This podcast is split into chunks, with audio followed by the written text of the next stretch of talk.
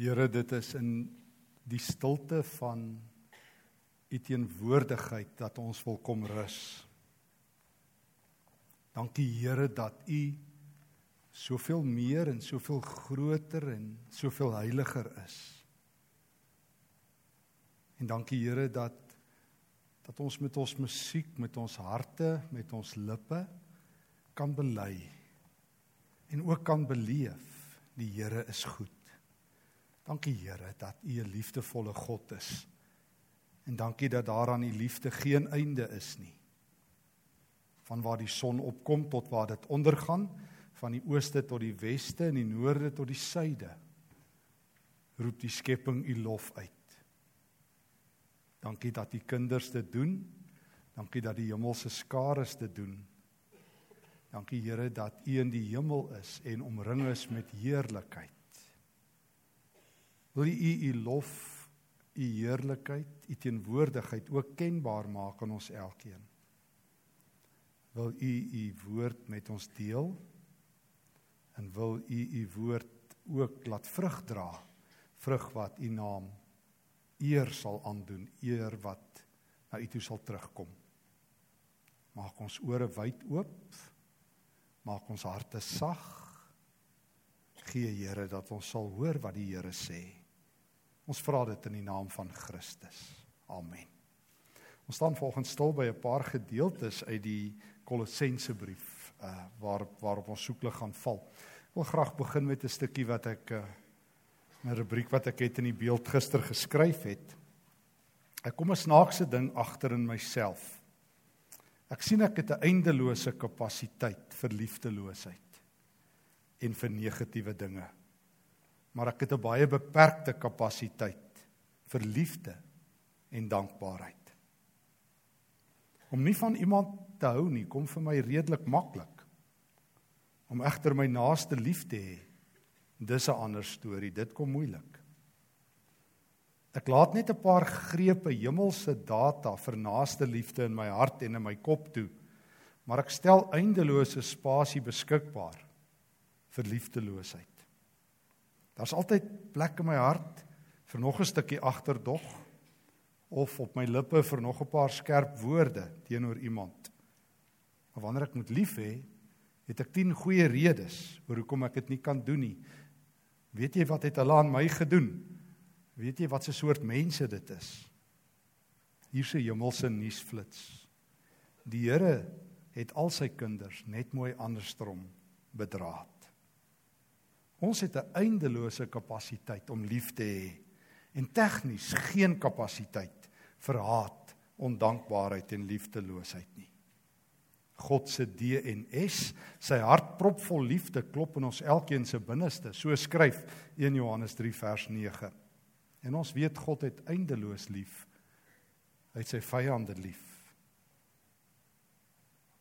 En as ons nie hierdie geestelike kapasiteit wat die Here ook aan in ons ingebou het om lief te hê nie beoefen nie, dan is ons leenaars. So sê 1 Johannes 3 vers 17. God is liefde. En dit is ons nuwe kapasiteit, so eenvoudig soos dit, maar ook so lewensgevaarlik. Ek kom agter dis nie net liefdeloosheid wat baie plek in my hart het nie. Ek het ook 'n uh, ruim plek vir ondankbaarheid. Daar's altyd nog 'n rede om nie dankbaar te wees nie. Daar is altyd nog iemand van wie ek nie hoef te hou nie. As iemand anders nie van hulle hou nie, dan kan ek dit ook ewe maklik regkry. Maar om lief te hê, om dankbaar te wees, om om die ander kant van die lewe raak te sien, dit kom nie van self nie. En ek kom agter nie eers, nie eers my geloof help noodwendig daarmee nie. Christene ek en Kluis is maar ewe ondankbaar as die res. Ons kla dieselfde kla, praat dieselfde prate, murmureer dieselfde murmurerings. Die enigste verskil is ons sê daarom nou kom nou moet ons bid, is al wat ons nog kan help. Dis so amper asof gebed alles moet regryk. Maar daar's 'n rede, geliefdes, daar's 'n rede hoekom ons in hierdie benarie is. Daar's 'n rede en dis ons kop se skuld. Ek ehm um, die beroemde neurowetenskaplike Rick Hansen skrywe our brain is like velcro for negative experiences but like teflon for positive ones. Jy weet wat is velcro en jy weet wat is teflon. Velcro is daai kleefmateriaal, daai goed wat jy so aan mekaar druk en dan sit dit wat jy op jou skoene partykeer sit of op jou drafskoene of uh, wat jy wat jy partykeer op jou beursie sit. En jy weet as jy velcro van mekaar aftrek, dan dis verskriklik seer vir velcro. So jy moet dit nie eintlik doen nie. Dan kla hulle, dis hulle jy hoor hoe bloei daai arm stukkie velcro amper van die pyn.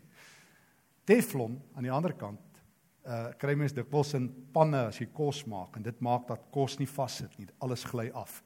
Nou sê Rick Hansen, ons brein is soos velcro en teflon. God het ons nie so gemaak nie. Dis daai een groot woord S O N D E wat die rede is. 'n Paar dinge wat uit sy studies uitkom wat eintlik nogals erg is. Feit 1. Omdat ons kop so is, oorskat ons altyd bedreigings en onderskat ons geleenthede. Feit 2. Sterk negatiewe impulse, stimuli het 'n um, 'n groter skep groter aktiwiteit in ons brein as ewe sterk positiewe stimuli. As daar te gelykertyd iets baie goeds gebeur en net so iets slegs gebeur, gaan jou brein altyd voorkeur gee aan negatief. Het hy bevind. En dit klomp ander ouens bevind dit ook, sien net hy nie. Feit nommer 3. Negatiewe stimule en impulse in ons brein word makliker en vinniger raak gesien as positiewes. So jou brein gee voorkeur aan negatief bo positief. Studie wat ek eendag gelees het wat sielkundiges gedoen het, het gesê as iets baie positief met jou gebeur, vertel jy dit vir 13 mense. As iets baie sleg met jou gebeur, vertel jy dit vir 17 mense. Negatief wen altyd. Hulle sê wen altyd. Die mense is ongelukkig wen altyd. Al is dit net jy en nog iemand. Feit nommer 4. Negatiewe inligting oor iemand anders vorm ons opinies meer as positiewe inligting. Het jy dit ook al gehoor? Jy sal iets sê oor iemand dan sal hulle sê, "Maar laat ek jou nou die waarheid oor daai persoon vertel." Maak nie saak wat mense doen nie, as iemand iets negatief doen, word dit as te ware die hoofopskrif oor hulle lewe wat jy ook graag vir ander mense weer oor vertel, sê as jy die gawe van skinder het wat baie mense blykbaar het. Feit nommer 5: Negatief is in ons kop meer gedifferensieerd. Bedoelende ons brein het meer kapasiteit om gedifferensieerd oor negatief te dink, bevind die ouens en hiermee saam met ons meer negatiewe terme, meer woordeskat vir negatief as positief in enige normale persoon. Ehm um, 'n studie wat ek eendag raak gelees het, het bevind dat in die Engelse taal van al die woorde vir emosies wat ouens na gaan kyk het, ehm um, 68% daarvan negatief is en net 32% positief. So ons taal is negatief. Ons is as te ware geprogrammeer om negatief te wees. Ons sien eers te negatief, ons hoor eers te negatief. Dis wat ons opmerk. Gaan kyk maar in die koerante soos ek altyd sê as jy jou koerant op die internet lees. Wat is die mees geleesde artikels? Ek kan jou waarborg as jy negatiewe stories. Ek kan jou waarborg die stories wat die vinnigste op Facebook versprei is die negatiewe stories. Goeie nuus registreer nie feit nommer 6 wat Hansen en ander ouens bevind. Slegs 'n paar positiewe ervarings is nie genoeg nie. Dit loop soos water deur 'n sif in jou kop.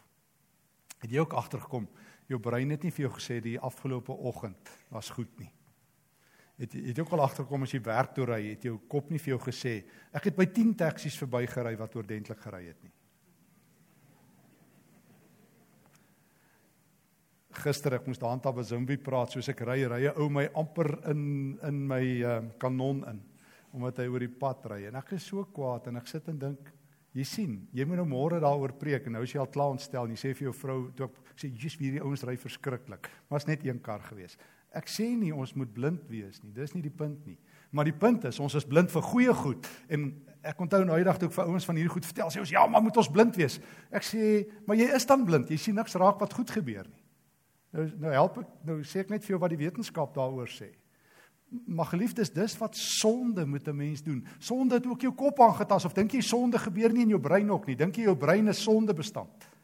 Dink jy jou brein het heilig gebly? Jou kop jou kop verongeluk jou. Jy dink jou kop is jou vriend, dit is nie. Geloof is iets anders. Jy moet beheer vat oor jou kop en dit is waarmee Paulus die mense in Kolosse help. Nou stap ons na die Kolossense brief toe. En as ons nou baie tyd gehad het, dan kon ons bietjie die agtergrond gedoen het.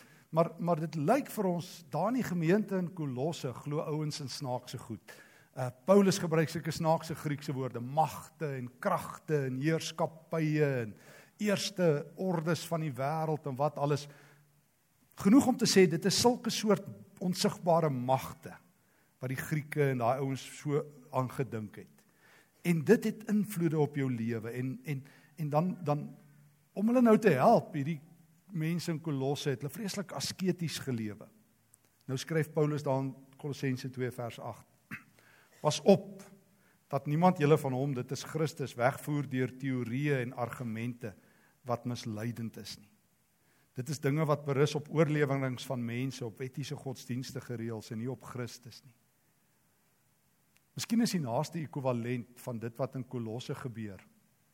In ons dag sal miskien wees mense se vrees vir die bose, vir die duiwel. Ek verstom my aldag dat die duiwel waarskynlik en ek vermoed dit sal vandag weer in Pretoria die geval wees, meer aandag per preek en per Christelike gesprek kry as wat hy in die hele Ou Testament kry. Die Satan as sy eie naam in die Ou Testament kom net 4 keer voor. O, mense moet hom nie onderskat nie. 1 Petrus sê hy's 'n brullende leeu, 1 Petrus 5. Maar Satan is nie so 'n celebrity uh, in die Bybel soos wat hy in die kerk is nie. Mense glo verskriklike dinge. Nou eendag sê 'n ou vir my, hy's 'n kenner op die duiwel. Sê ek, "Sjoe, jy het doktorsgraad op Satan of wat?" Ehm um, Mense glo dat selfs as jou oupa gesondig het voorvader vloeke, kan jy selfs jou sondes van jou voorvaders erf. Ek sit met iemand te gesels 'n ruk gelede, 'n jong ouetjie wat my vertel hy het nie op skool deurgekom nie toe sy pa hom na 'n duiweluitdrywer gevat. Toe sê hulle hy het 'n demoon in hom. Maar ehm um, hy het net 'n leerprobleem. Ek hoor stories dat mense vir my vertel hulle sit op 'n vliegtyg gaan sit hulle laat langs 'n satanis blykbaar en dan kry hulle angs en dan in geestelike weet nie wat koors of wat nie ek weet nie wat noem mense dit nie. Nou eendag vertel iemand vir my hulle stap in 'n restaurant en daar's 'n Boeddha beeld en toe hardloop hulle uit. En ehm um, sulke dinge. Iemand vertel van hulle het 'n Spider-Man die wy op hulle kind se bed gehad en toe daar 'n demoon in die kind gekom Ek sê glo julle nie die evangelie van Christus nie. Nee, maar hulle het dit gesien. Ek sê ek weet, ek weet jy glo met jou oë. Maar dis die probleem. Jou kop het velcro. Die duiwel het jou kop bevelcro en hy maak homself 'n superster in jou kop en jy glo dit, maar jy glo nie Christus nie. Want jy glo negatief voor positief. Die mense sien eers die duiwel voor hulle die Here sien. Daarom vir baie ouens die duiwel almagtig en Christus net magtig. Daarom kan jy al as jy 'n Christen ook die duiwel hê, glo baie ouens en homself van jou oupa erf as hy by Islamaier of ek weet nie wat alles was nie. Hoor die woord van die Here. Nou skryf Paulus vir 'n gemeente wat in vrees is vir die magte. En hy leer hulle om hulle koppe reg te kry, want hulle koppe is vol velcro vir verkeerde goed. Soos baie kerkmense, hy praat met Christene, hy begin ons sluit aan by Kolossense 3 vers 1.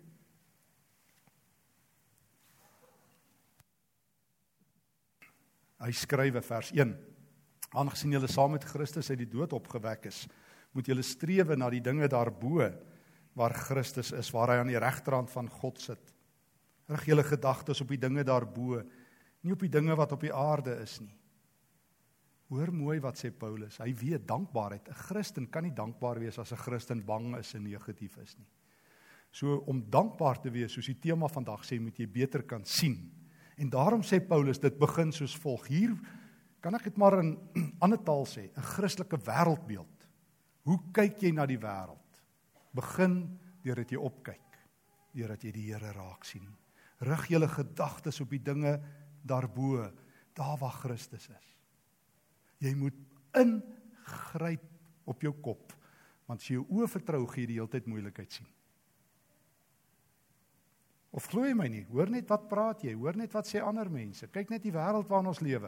Ons sien net moeilikheid. Hoeveel mense sien ooit die Here raak? Rig julle gedagtes. Gryp in op jou kop. Romeine 12 vers 2 waar Paulus sê as jy die wil van God wil ken, moet jy jou gedagtes laat vernuwe. Um Efesiërs 4 vers 17. Moenie soos die heidene wees nie. Hulle gedagtes lei tot niks. Dan verskriklik. Wie dink dat jy 'n papkop het? Dat jy jou hele lewe lank dat God sê dis die mees verveligste plek want al wat daai kop kan sien is donker. En as jy die hele tyd donker sien, is jou lewe donker, nie waar nie? Dit is nogal interessant dat die Bybel so daaroor dink as jy donkerte in jou lewe inlaat, sê Jesus in die bergrede, word alles in jou donker, van selfsprekend. As jy net donker raak sien, as jy net moeilikheid raak sien, as jy dit net aangee en verder versprei, gaan jy nooit die Here raak sien nie. Kyk op. Rig jou gedagtes op Christus. Ons lees verder vers 3. Want hy het gesterwe en julle want julle het gesterwe bedoelende julle saam met Christus gekruisig die bekende Colin het laasweek daarby stil gestaan die bekende beelde van Romeine 6 en Kolossense 2 jy is saam met Christus gekruisig. Jy het 'n nuwe identiteit en nou het jy ook nuwe oë. Jy kan Christus raak sien aan die regterhand van God in geloof. Julle lewe is saam met Christus verborge in God So Paulus doen nie eksorsisme, hy dryf die duiwels uit en bied 'n duiwelkursus aan nie. Hy leer mense van Christus wat bang is, wat nie meer reg kan kyk nie, wat soos velcro is en net verkeerd kyk en nie teflon nie. So jou eerste belangrike kyk. Jy kyk elke dag, elke oomblik op na die Here. Geliefdes, hierdie is nie vroom kerktaal nie. Ek hoor baie mense sê nee ons moet ons oog op die Here hou. Dan sê almal nee dis reg. Dan vertel hulle hoe sleg die rugby weer was en hoe sleg die korrupsie is en alles. En ek sê weer dit beteken nie moet met jou kop in die gat in die sand gaan bly en alles wegkyk nie. Maar ek hoef nie net oor tye moeilikheid raak te kyk nie. Jy sien dit van self. Ek moet vandag in die naam van die Here vir jou oproep om God raak te kyk. Dis die opdrag van God se woord. Paulus doen 'n tweede ding. Hy sê kyk God raak, kyk die wêreld van God raak. Hy sê maar jy moet nog kyk. Kolossense 2 vers 13. Julle was dood deurdat julle gesondig het en deurdat julle soos die vertaling dit hier uitdruk, um, sondige natuur nog nie weggevat is nie. God het julle egter saam met Christus lewend gemaak deurdat hy al ons sondes vergewe het. Hy het die skuld bewys met sy eise teen ons tot niet gemaak deur dit aan die kruis vas te kap. Het hy dit vergoed weggeneem. Hy het elke mag en gesag, dis al hierdie magte wat in Kolosse vir die mense so bang maak. Ehm um, ontwapen en hulle in openbaar vertoon deur las gevangenes in die triomftog van Christus mee te voer.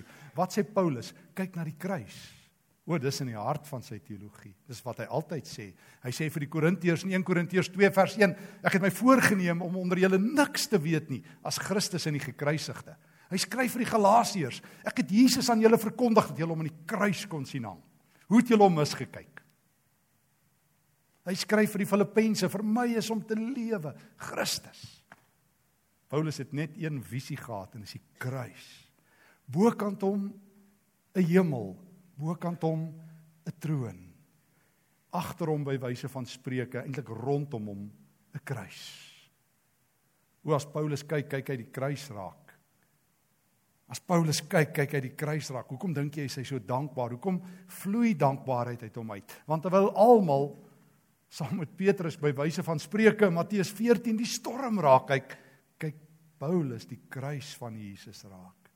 En wat sien hy aan die kruis? Al my sondes is betaal. Al my sondes is aan die kruis vasgekap. Alles is afbetaal agteruit en vooruit. Want sonde is ten diepste 'n breek van verhouding met God en Christus plak die verhouding reg. Hy maak dit reg. Hy maak dit oor. En my kop moet dit weet. Anders dan gaan my kop soos velcro wees. Al glo ek en my kop verander nie en ek word nie in my kop 'n Christen nie. Want baie mense, baie Christene is net tot by hulle hart bekeer, maar noord van hulle hart is hulle kop hulle eie. En dis ons dilemma in Suid-Afrika, onbekeerde koppe. En as jou kop nie bekeer is nie, as jou oog nie bekeer nie, gaan jy verkeerd kyk en verkeerd sien.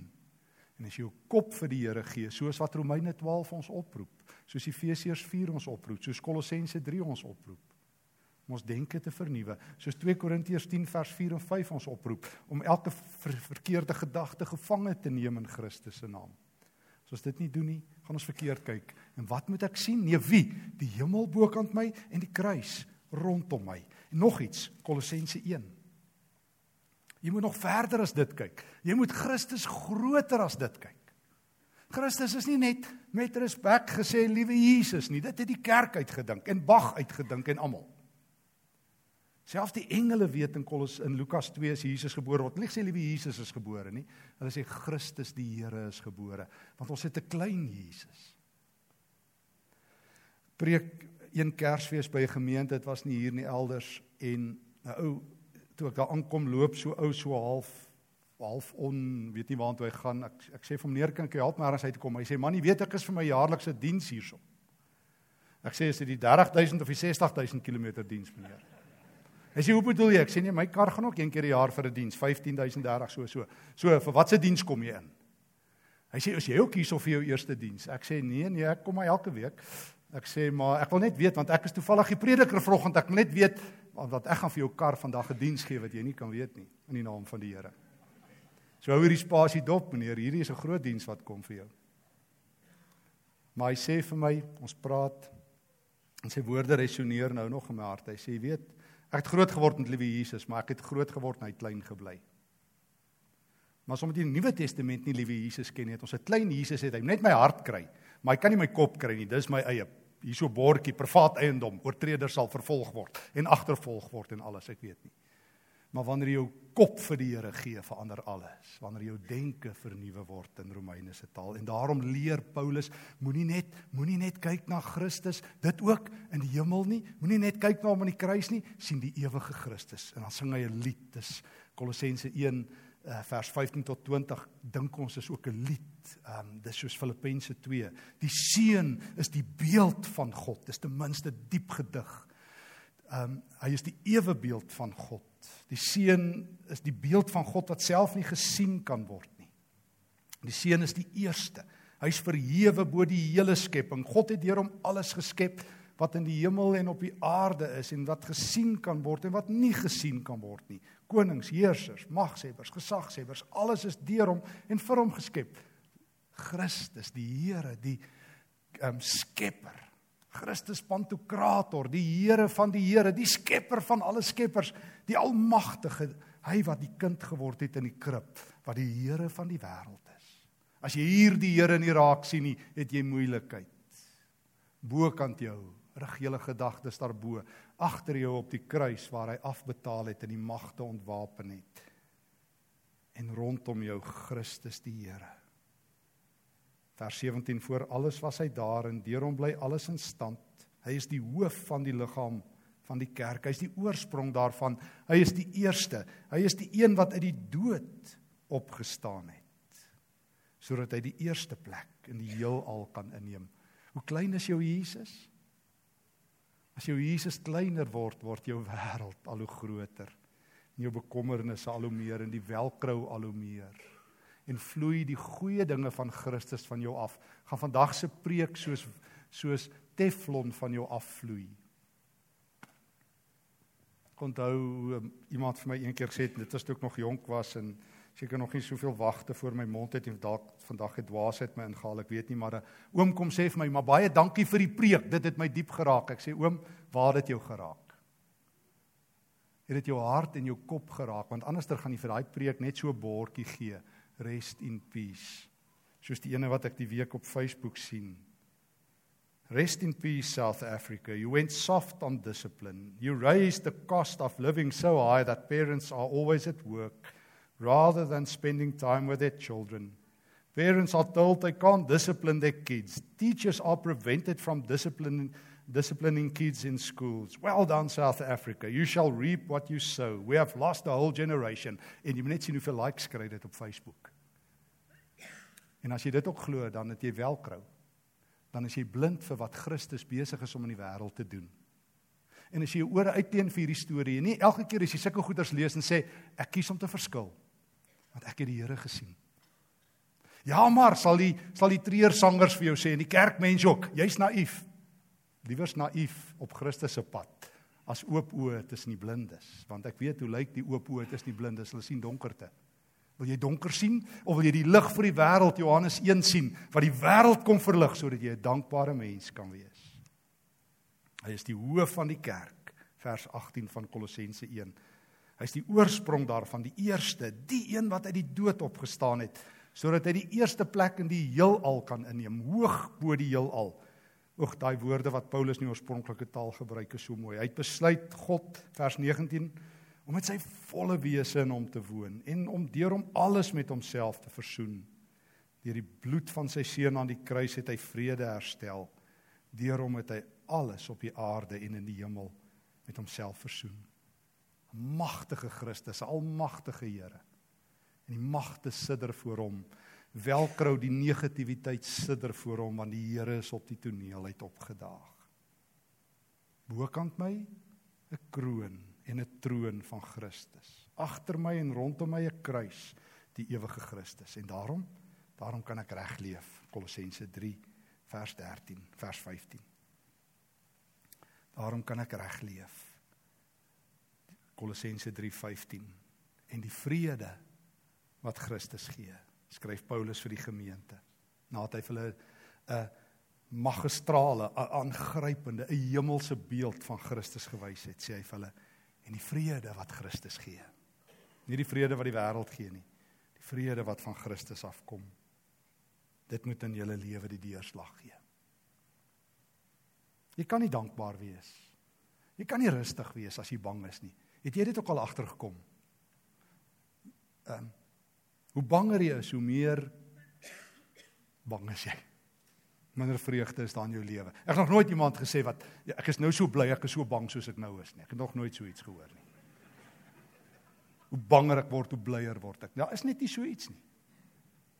En negatiewe mense, het jy agtergekom? Hulle hulle raak so koolsuurgas. Hulle asem net, hulle asem koolsuurgas in en uit. Uh, hoe negatiewer mense raak, hoe minder lekker is hulle. Jy kan mos nou nie saam dis dis jy wil daar net vensters oopmaak sien sulke mense se plek is. Want dit is net koolsuurgas. Maar wanneer die Here in jou lewe is, kom maar 'n vrede, want ek het die Here gesien in die hemel. In die hemel is die Heer. Ek het hom gesien in geloof. En ek het die kruis gekyk en ek kyk die kruis elke keer raak. En die vrede wat Christus gee, moet in julle lewe die deurslag gee. Einde van vers 15 wees altyd dankbaar. Jy kan nie dankbaar wees as jy reg sien. As jy reg kyk. As die Here jou kyk ingestel het. Wees altyd dankbaar. Wees altyd dankbaar. Dis 'n opdrag. Maar jy kan net dankbaar wees in 'n relasie. Wees altyd dankbaar. Nie net wanneer dit goed gaan en jou span wen en ehm um, wat ook al nie.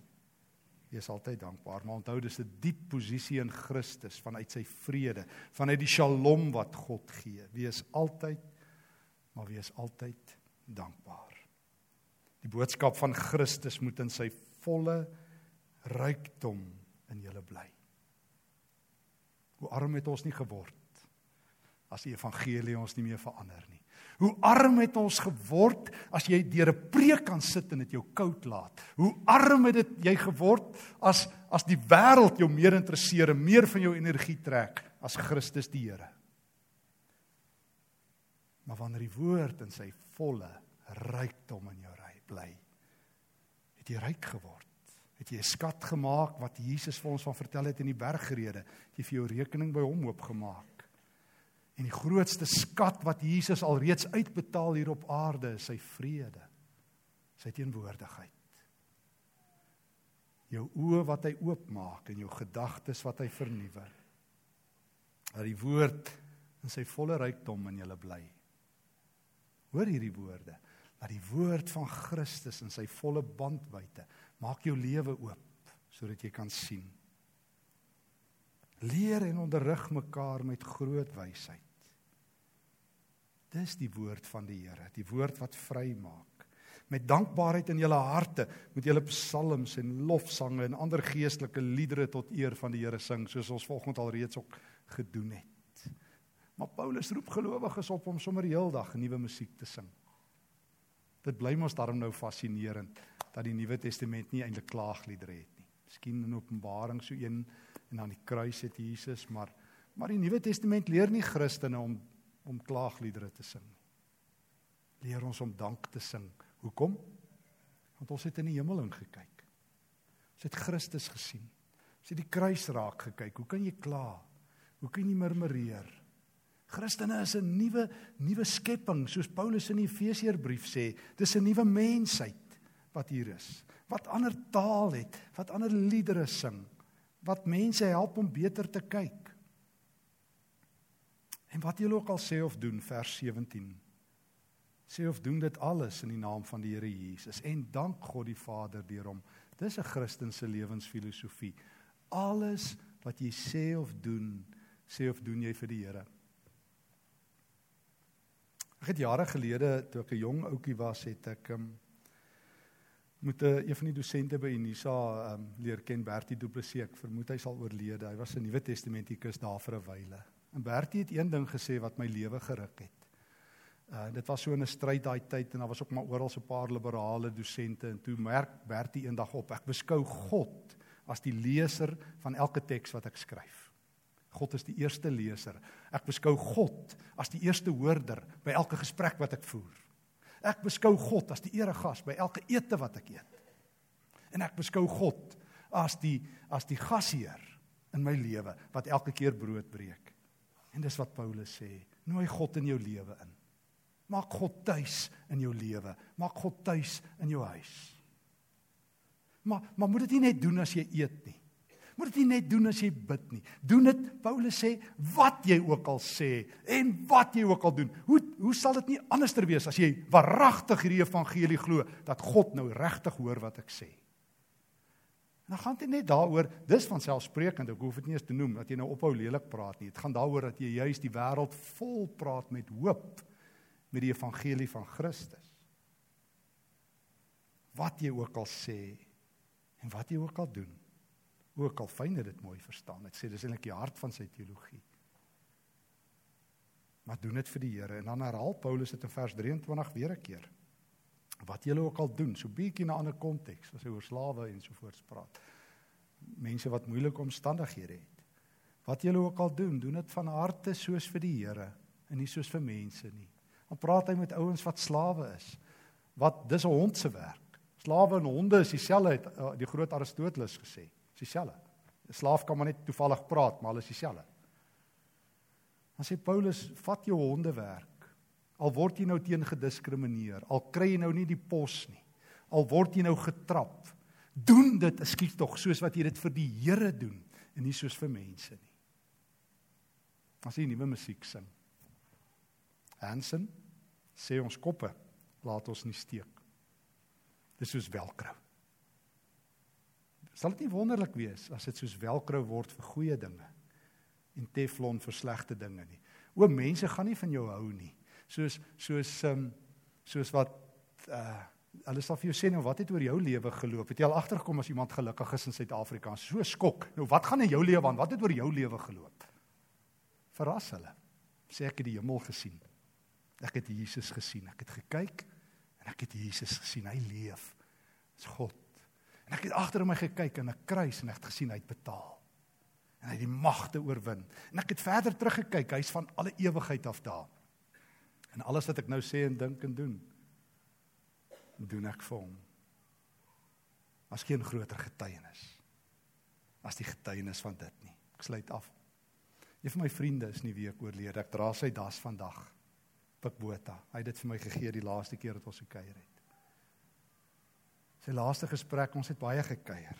Sy laaste gesprek en ja, ek moet hom begrawe ook.